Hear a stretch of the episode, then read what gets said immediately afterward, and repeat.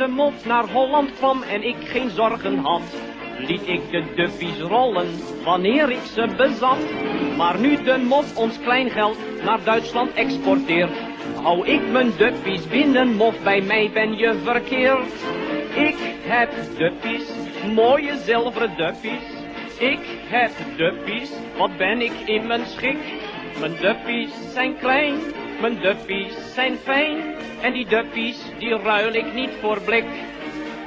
Al had ik zakken vol ervan, geen mof die er een stuiver van krijgen kan. Geen Mussert en geen Hitler komt er aan, ik stop ze lekker in de grond. Ik heb duppies, mooie zilveren duppies. Dat was eh, eh, van Cabaret de Watergeus, uitgezonden in 31 januari 1942 door Radio Oranje. Dat was een ware steun voor iedereen. Het was echt ook verzet, hè. En- want Hitler, die had geld nodig. Die zilveren dubbeltjes met de beeltenis van de koningin Wilhelmina. En die moesten worden ingeleverd om te worden vervangen door muntjes van blik. En die Wilhelmina was ook niet heel erg eh, welkom als beeltenissen. Weet jij wanneer die eh, zilveren dubbeltjes, eh, Henno eh, zit naast me, wanneer of dat die afges afgeschaft zijn? Die zilveren Ja, dat was in januari 42. Toen moest het worden ingeleverd bij de Duitsers.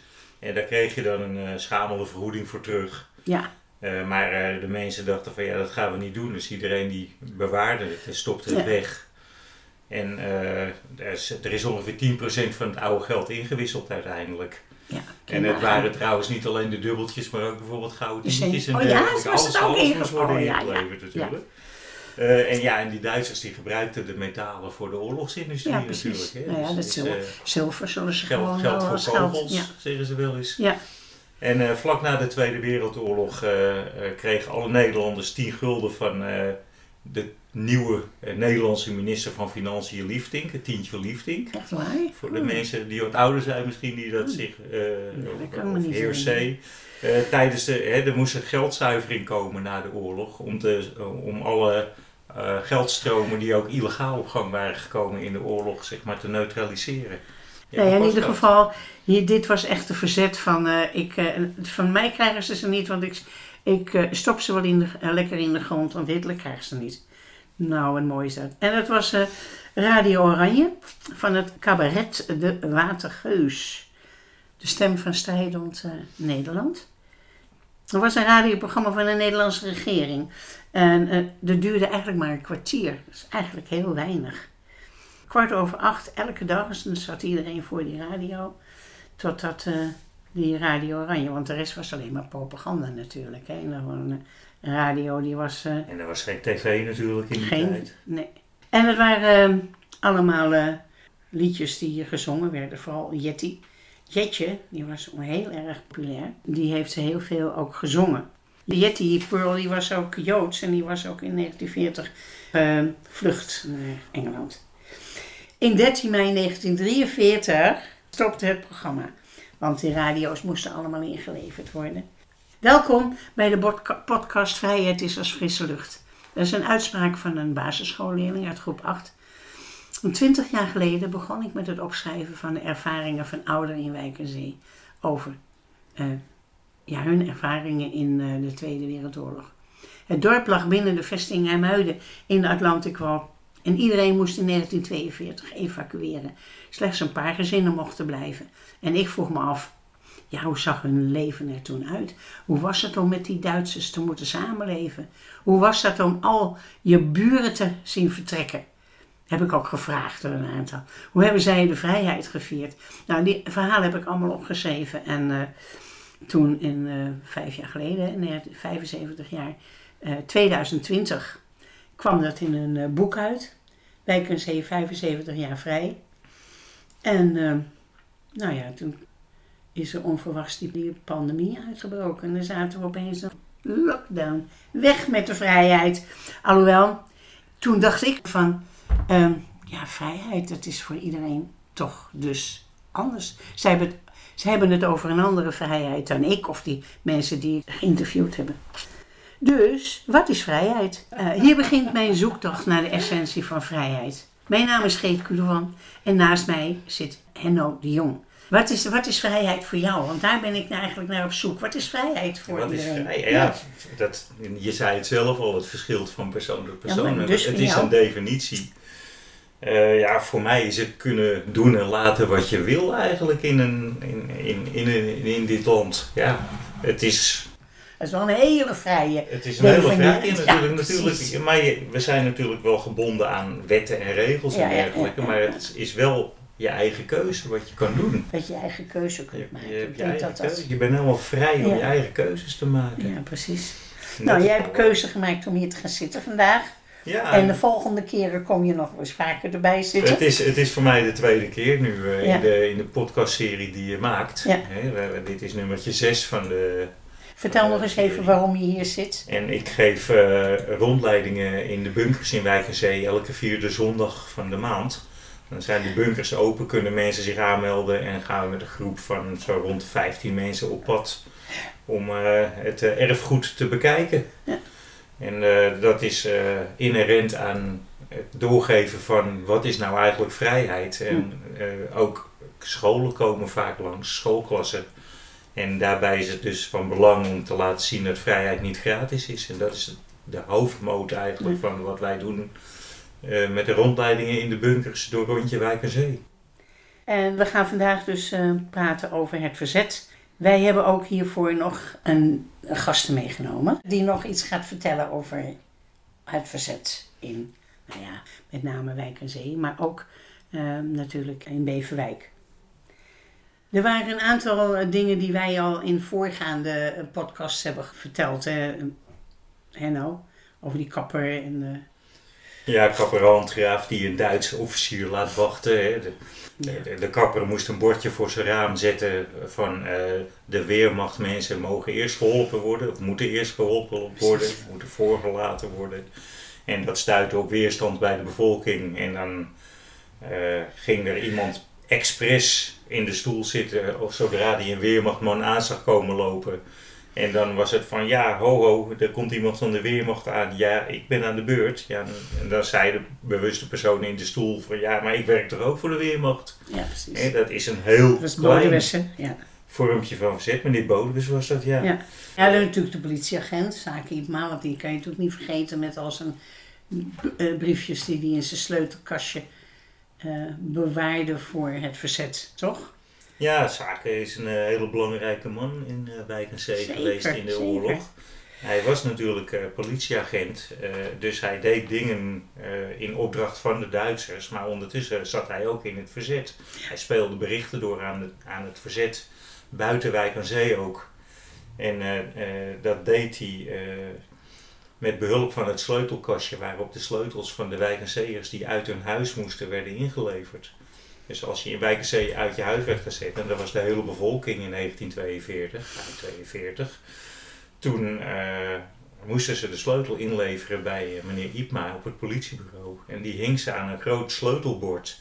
En dat sleutelbord, daarachter zat een ruimte waar hij dus illegale blaadjes en dergelijke en informatie verstopte. Ja, en dat was eigenlijk een beetje, dat was wel echt verzet, vind ik.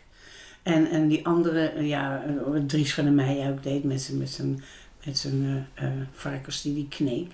Hij, die zijn drank. En de hele, hele dorp heeft van de, van de varkens gegeten. Maar Dries, die was wel degelijk ook... Met was bezig. Ja, bezig. hij was huisbewaarder echt- bij Maristella. Juist, maar En, Stella. eh, de officieren daar. En eh, daar eh, achter Maristella had je een wapendepot in, in de oude in de school, ja. ja. En ehm, da- daar komt de connectie met onze gast van vandaag. Daar had namelijk Andries Schelvis, de wijk en zeeër die wij eer, die eerder in de binnenlandse Onze strijd tamboer. onze tamboer. En organist. Ja, organist, ja. Eh, die, die had daar eh, mee te maken. En eh, die had contact met Leo, de Duitse officier die eh, zeg maar, eh, de beheerder was van het wapendepot. En eh, dankzij Leo, de Duitse officier, kreeg eh, het verzet wapens en die werden door Andries gesmokkeld. En nou leek het ons leuk om uit de eerste hand eens te horen en iemand te spreken die Andries heel goed gekend heeft, namelijk zijn dochter José. En die hebben we gevraagd om eens bij ons aan te schuiven in de podcast om het een en ander te vertellen over haar vader. José, welkom. Dankjewel. Welkom. Wat willen jullie weten? Nou, alles. Alles natuurlijk. Van de oorlog weet ik niet zoveel hoor. Alleen wat hij wel eens vertelde, wat jij ook net verteld hebt. Dus ja, eh, wat kan ik vertellen? Wist Nou. jij dat je vader in het verzet had gezeten? Eh, ja, dat wist ik, maar hij praatte er zelf heel weinig over. En jij bent zelf van na de oorlog. Ik ben van na de oorlog, ja. Eh, wij moesten op de westzijde, moesten wij op een adres eh, ons melden. En dan moest ik zeggen, we komen de bieten van Jan halen. Dat zal ik nooit vergeten. Dat was het wachtwoord. Ja, ja. Nou, eh dat had plaatsgevonden. Die mevrouw zegt, ik zal even mijn man roepen. En die komt met de fiets in de hand. Hij zegt, gaan jullie me mee? En wij moesten in de omgeving van het Kalf, dat was een, in de buurt van Zandam. En daar stond een lege fabriek. En wij keken onze ogen uit, want daar liepen ze net rond of er geen oorlog was. Daar liepen ze met wapens rond en weet ik wat allemaal. En fijn, hij bekeek het zo. Hij zei, jij hebt een eh, dubbele fietstas. Hij zegt, nou, daar stoppen we wel van die landmijntjes in. Dat waren van die kleefmijntjes die dus, eh, als je dan op de straat liep... en je kwam er voorbij een Duitse tank, eh, auto of een tank... dan kon je dat zo, dat, dat eh, magnetisch, kon je eraan kleven. En dan was je afgesteld op 10 of 20 minuten. Dan was je al weg. En dan plofte dat. Toen hebben ze nooit gebruikt, hoor. Dat gaat niet om. Maar die moesten dus in die fietstas. Was al een heel vrachtje. En eh, Henk Cox, dat was mijn vriend, die was uit Beverwijk. Die later eh, een winkel had op de Breestraat, elektriciteitswinkel. En die eh, had een eh, transportfiets. En daar gingen 16 stenguns in een juttenzak. Hij zei, jij neemt die, ste die stenguns dan mee. En mijn zwager, Henk Zonneveld, die kreeg een stengun eh, schiet klaargemaakt, ook in een juttenzak. Hij zegt, dan ga jij 80 meter, 60 meter voorrijden. Als hun aangehouden worden, dan kun jij schieten. Kan je je dat herinneren dat hij jou vertelde van Nee, nee, nee. dat is te Wel eens tegen andere mensen die daarna vroegen, maar ja, wij waren kinderen, dus ja, we hadden er niet zoveel Je mee. hebt me ook nooit naar gevraagd. Nee, nee. Maar kende je dit interview, wat hij aan de, aan de Jutte, of nee, eigenlijk was het, ja, Radio Wijk en Zee was het toen heel uitzending. sumier, heel sumier. Ja, ik... eh, Dus je stond eigenlijk best Eigenlijk wel, ja. Heel- Ja, ja, ja. verbaasd ja. dat wij zo'n... dat mijn vader zo'n held was. Dat, Dat dat- wij dat bandje van hem hadden. Ja, dat bandje. Ja, ik had geen cassette recorder meer. En ik heb dat bandje eigenlijk nooit meer geluisterd. Dus ja, dat is... eh, Ja, dat bandje dat was uit 1995, dat interview, hè? Want Met toen was Ja. het 50 jaar, dus het is inderdaad eh, ja. 50 jaar bevrijding. is Ja, inderdaad ja, 95 ja, geweest. Ja, En ja. daarna ben je het weer helemaal vergeten eigenlijk. Ja, eh. het lag ergens in een Ja. kast en ach, je denkt er niet meer aan. En totdat jij toen vroeg Ja, van eh, voor de Jutter een verhaaltje. Ja, ja, en precies. eh, eh, vroeg naar foto's. En, eh, Ja. Dus toen ging mijn licht op van god, ik heb nog foto's van mijn vader. eh, in zijn soldatenpak. En dat bandje heb ik nog. Nou, en zo is het eigenlijk gaan rollen. Dat ik nu meer te weten ben gekomen over mijn vader. leuk hè? Ja, ja en, en, en ik ben bij hen nog geweest bij de lezing. En grotendeels over mijn vader, ja. Ja. Heel leuk om mijn vader groot in beeld te zien. In zijn soldatenpak. En Ja. kende jij ook zijn, zijn grootste vriend, Henk Cox? Nee, nee, niet gekend. Nee. Nou, daar, nee. daar, daar praat hij Ja. over, op dat, op dat bandje. Ja, ja. En dus ik ben gaan zoeken, is Henk Cox maar. Maar die woont niet meer in Beverwijk. Die had dus inderdaad een elektriciteitswinkel Ja, ja, klopt. die- Ja, op de Breestraat dacht ik. uit de Bre- Ja, Breestraat. ja, en, dat daar, is mijn man weer. Oh. Ja, ja. En daar heeft hij altijd eh, alle eh, de, de geweren naartoe gebracht. Ja, ja, daar ja. is ook bewaard onder in. En maar nou blijkt dat je het met CHX aan het eind. Dus ja, ik had gewoon verkeerd. Andere koks, ja. Ik had gewoon Cox. Ja, ja. K-O-K-S, weet je wel. Ja, je had ook een kledingwinkel op de Breestraat, dat heet ook Cox. Ja. Ja, ja, klopt, ja. Maar hij heeft het wel altijd over die Connor gehad, waar hij op dat bandje over praat. Zijn buurman, op Moensplein. Ze waren natuurlijk geëvacueerd naar het eh, Moensplein. Ja. En eh, zijn buurman, dat was een, een Engels leraar. En eh, daar, ja, die had dan ook weer contact met, met die soldaten. Of, ik weet niet precies hoe dat gegaan was, maar eh, hij heeft altijd over Connor gehad. Van, die was hij uit het oog verloren. Hij wist niet waar hij gebleven was. En die had hij nog zo graag willen spreken, maar Ja. Maar die woonde daar al of is hij alleen bij, na de bevrijding daar gekomen? Ik denk dat hij er al woonde, Moensplein. Mm. Ja. Nee, maar eh, hij woonde op het Moensplein, hè? Jouw, jouw vader in de, in de Ja. oorlog. En eh, in zijn eh, interview heeft hij het erover dat aanvankelijk ontving hij de wapens zeg maar thuis. Ja. En later ontving hij ze op het hoekje van het Moensplein en de Zeestraat. Ja, ja, En dan bracht hij ze naar de elektriciteitswinkel Ja, van. Cox. ja. Heeft hij eh, ooit verteld over eh, eh, waarom hij eh, niet meer eh, thuis ontving, maar juist op de hoek Nee, van de, nee, de Zeestraat? Nee, daar weet ik helemaal niets van. Nee, heeft hij nooit verteld. Buiten Nee. dat de buren natuurlijk waarschijnlijk iets gingen vermoeden of zo. Maar Ja, dat hij zelf dat ja, moment ja. wel eens aan jou verteld heeft van jeetje, want toen Nee, kwam nee buurman heeft hij die nooit die. verteld. Nee, nee, nee. Oké. Daar weet ik echt niets van. En de bieten van Jan, wat heeft hij ermee te Dat- maken? Heeft hij ook nooit verteld? nooit verteld. Maar hij zegt, en hij zei, zegt in het, Oh in het interview, zegt hij, dat zal ik nooit vergeten. Nee, hij heeft het wel eens verteld aan, aan mensen die bij ons kwamen, denk ik. Ik heb Ja. wel eens iets opgevangen, maar ik ben er nooit eigenlijk achter gekomen wat het nou precies was. Maar nu Ja. weet je het wel.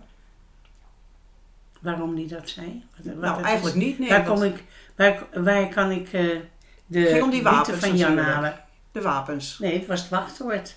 Ja, dat was het wachtwoord. Het wachtwoord in. Zaandam. Ja, Bij het depot waar zij allemaal naartoe ging. ja. Maar het gekke was, mijn opa heeft er ook nooit iets over gezegd. Nooit?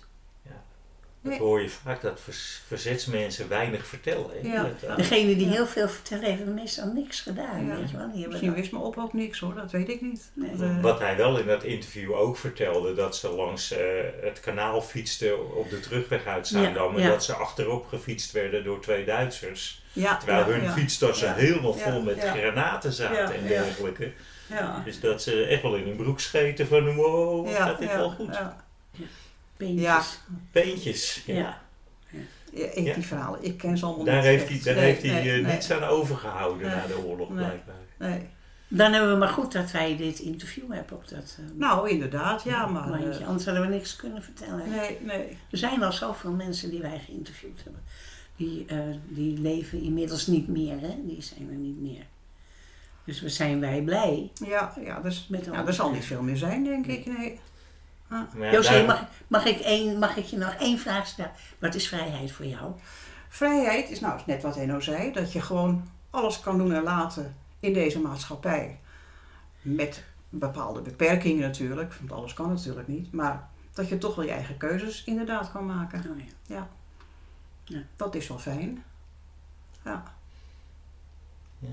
Hey, en, en over eh, alles te weten willen komen voordat mensen het niet meer zijn. Jouw vader is er natuurlijk niet meer. Dus Nee. daarom hebben we ook aan jou gevraagd van... joh, kan jij nog wat herinneringen proberen op te diepen binnen de familie... die jouw vader op dat bandje niet heeft verteld? Ja, En toen had jij er wel wat dingen. ik weet wel iets wat hij altijd vertelde. En dat was dit. Ik zal het eventjes vertellen. ja. Eh, dat is een leuke anekdote. ja, precies. Even de bril af. Eh, mijn vader mocht dan in de oorlog een stoere vent zijn geweest.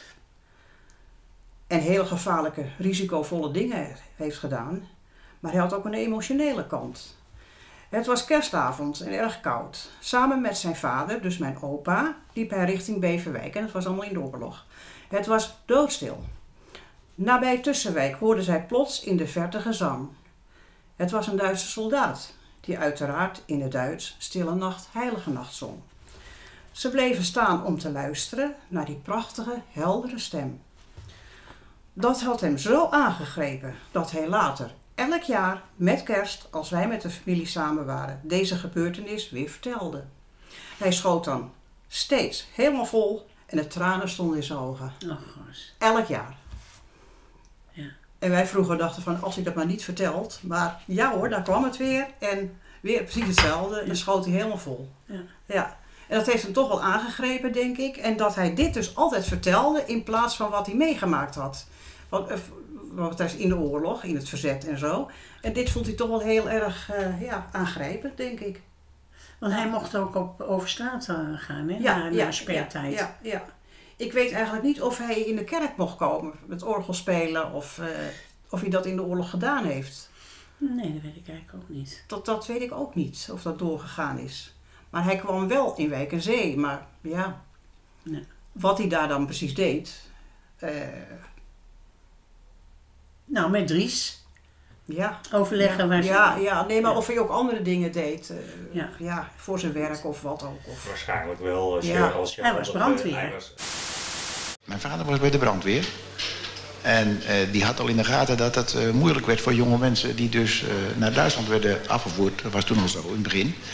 En eh, hij zegt tegen meneer Bleker, dat was onze commandant van de brandweer. Hij zegt, eh, hij zegt eh, als ik er nou mee stop, kan mijn zoon niet brandweerman worden. Dan eh, heeft hij meer kans dat hij hier kan blijven. En zodoende eh, is dat ook zo gebeurd. Ik ben brandweerman geworden. En dat heeft me de hele oorlog door geholpen. Want later, toen moesten we evacueren. En ik had dus een soort auswijs. Eh, ook een bewijs van de brandweer. En ik kon s'avonds, eh mijn meisje, wat, wat nou mijn vrouw geworden is, woonde op de weg. En ik kon rustig De straat op. s'avonds de straat over. Want Ja. ten tien uur moest je binnen zijn. Ja. Maar als ik aangehouden werd, was het enkele keer gebeurde. Dan eh, als brandweerman kon ik door. Heb ik ook nooit geweten hoor, dat hij bij de brandweer was. Nee. Maar dat is, eh, ik vind het wel een hele mooie anekdote dit, van mijn vader. Zeker. Ja. Tegeltje? Ja, Dat was zijn bijnaam. dat was zijn bijnaam, ja, klopt. Hoe kom je aan die bijnaam, Jesse? Eh, nou, het was zo. Hij was natuurlijk eh, aannemer en tegelzetter. En iedereen denkt van, nou ja, hij zet de tegels, dat komt daarvan. Maar nee. Op de lagere school had hij een trui aan. Met zo'n ja, soort patroon, zo'n zo'n zoute drop patroon, zal ik maar Ja, zeggen. En eh, de meester, of wie daar voor de klas stond, weet ik niet. Maar die wist zijn naam niet zo gauw. En die zei, hey, tegeltje. Wat, eh, wat is het antwoord of zoiets? En sindsdien is hij tegeltje genoemd. Ja, dat kwam door die trui. Vond hij dat vervelend? Hij vond het heel erg. Ja, niemand Oh, mocht dat zeggen. Dan werd hij kwaad. Oh, Hij wilde geen bijnaam hebben. Terwijl heel Wijkerzee een heel wijkers had. hebben schelfjes helemaal. Die hebben gewoon een... eh, Ja.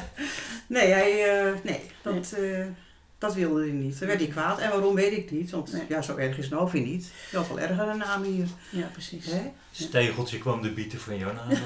De Pieter van Jan van Malen. Ja, dat is onze subtitel, hè? Want Ja, hij dat ja, zei ja, dat ja, ja, ehm, zijn geweren kwamen ja. halen. En nou eh, wil ik jou toch even een gewetensvraag vraag vragen. Ehm, mensen van, eh, die opgebakt zijn met de razzia, die verwijten het verzet, tenminste zo hoor ik dat, hè, zo, ja. Ehm, dat, zij, eh, dat ze het aan het verzet te danken hebben dat ze opgemaakt zijn. Nou, wat, hoe, wat, hoe vind jij daarover? Hoe sta jij daarover in die discussie? Ik vind dat heel moeilijk. Ik, Ja. ja. dat vind ik moeilijk om daar antwoord op te geven. Ik weet het niet. Nee, Nee. nee. Ik weet er ook te weinig van. van, van, van. Ik heb er ook te weinig over gehoord. Ja, En ook? Ja, Ja. het- ja het, is, het is iets wat eh, sommige mensen vinden. Ja. Dat, dit, dit is een hele lastige natuurlijk. Kijk, het verzet waar we het hier over hebben is eigenlijk vooral het kleinere verzet. En, eh, ja, en de wapensmokkel dan die, eh, die jouw vader José eh, deed. Maar eh, ja, eh, het ombrengen van foute Nederlanders die dan een represaille tot gevolg hadden van, Ja. de, van de Duitse bezitter. Ja, dan kan je zeggen van oké, je brengt een NSB'er om als verzetsgroep. Ja. Vervolgens weet je dat er willekeurig mensen worden opgepakt op straat. En heb je dan als verzetsgroep de dood van die willekeurige mensen op je geweten. Kijk, ze leggen niet voor niks die NSB'er om. Want die brengt ook Die mensen heeft ook aan. mensen verraad- aange- die verraten ook. eh, Maar ja, daar weet ik dus heel weinig van af. Heel weinig. Dat is een discussie waar je niet uit gaat komen. nee. Ah. nee. Nou ja, wij zeggen altijd van degene die de, die de trekker eh, overhaalt, hè, die is degene die, eh, die dus, dus schuld zou moeten krijgen. Ehm, eh, ik wil nog heel eventjes eh, over Leo. Onze Leo wilde in Nederland blijven in 45. Die wilde niet terug naar Duitsland. En Leo, of Andries, die heeft hem geholpen. Die heeft hem een eh, foto hebben ze gemaakt voor hem, toch? Ja, En burgerkloffie en... de foto Bouwman. Ja, precies, Peter, ja, jij weet het nog. Ja. En eh, ze wilden hem graag eh, beschermen. Dus dat hij niet opge, op opgepakt zou worden door de Duitsers. Nou, in eerste instantie is hem dat gelukt. Hij heeft drie weken bij Andries eh, Ondergedoken. ondergedoken gezeten. Maar toen, De bevrijding, eh, tenminste dat ze capituleerden de Duitsers, Ja. is hij bij mij in huis gekomen. En toen heeft hij twee andere Duitsers meegenomen. Want die wisten van die hele situatie af. Die ene was een Tsjech. Die was min of meer gedwongen om in het Duitse leger te, eh, te zijn. En dat was een man die, werkte, die woonde hier in het zonnetje op de, op de Julianenweg. En die zat er op kantoor bij de Oostcommandantuur. En die wist, die heeft, heeft ons eh, van de mijnenvelden daar tekeningen van gegeven. Van die mijnenvelden hier allemaal aan. Die is ook bij mij ondergedoken. En die andere Duitse man, die was zo verschrikkelijk bang. Want kijk, het, was, het waren voor hun, in hun ogen, de Duitsers dan, waren het verraders. Die man heeft zich van kant gemaakt. Niet bij mij, maar die is opge- opgehaald. Want het was zo, we hebben ze, ik heb ze drie weken ondergedoken, eh, ze hebben ze gezeten bij mij. En toen eh, hebben we ze bij de Engelsen, die zaten in de Heilige Gatschool in Beverwijk, hebben we dat moeten melden. Toen zegt die commandant, breng ze maar hier. Dan brengen we ze naar Hilversum. Want daar is een eh, opvang van Rijksduitsers. Dan brengen we ze daar maar naartoe en dan zorgen wij wel dat ze goed naar Duitsland toe Terecht, komen. ja. Maar een week later, mijn, mijn eh, zwager, die ook bij het ondergrondse zat... en eh, wat nou mijn vrouw is dan bij mij, die woonde op Alkmaarsweg. En eh, die zag al die Duitsers die liepen in de tijd, allemaal uit het zuiden vandaan, richting Den Helder. Daar werden ze op schepen Ja. vervoerd naar Duitsland. Ja. Loopt hij tussen andere Duitse soldaten in burgerpakje. Ze waren in burger natuurlijk, hè. Dus hebben we er werk van gemaakt als de bliksem. Naast mij op het Mosplein, daar woonde een Corner. Dat was een, eh, een leraar van de ULO. Die sprak heel goed Engels natuurlijk, was Engelse leraar. Die is met zo'n Canadese auto, een jeep of weet ik wat, is hij achteraan gegaan en die heeft ze eruit weten te krijgen, bij Egmond.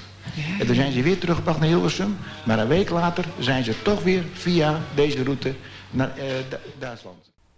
Henno en José, ik wil jullie eh, allebei eh, ontzettend eh, bedanken voor deze bijdrage. En natuurlijk Sylvia, want Sylvia zit hier alles op te nemen. En die gaat alles straks aan elkaar plakken. Ehm, ik wilde toch besluiten ook met een cabaret van het een, een lied van het Watergeus. En dat is eigenlijk op de, op de melodie van Alles, Alles über Deutschland. Hè? Dat is de, de hymne, de Duitse hymne. En het was een parodie. Eh, van de fabriek van Kroep staat alleen nog maar de stoep. Die straße frei, want ieder neemt de benen. De RAF is in de lucht. De helft van Keulen is nu al verdwenen. En Herman Geuring steunt en zucht. Alles, alles über Deutschland, wie had dat gedacht? Duizend in één nacht.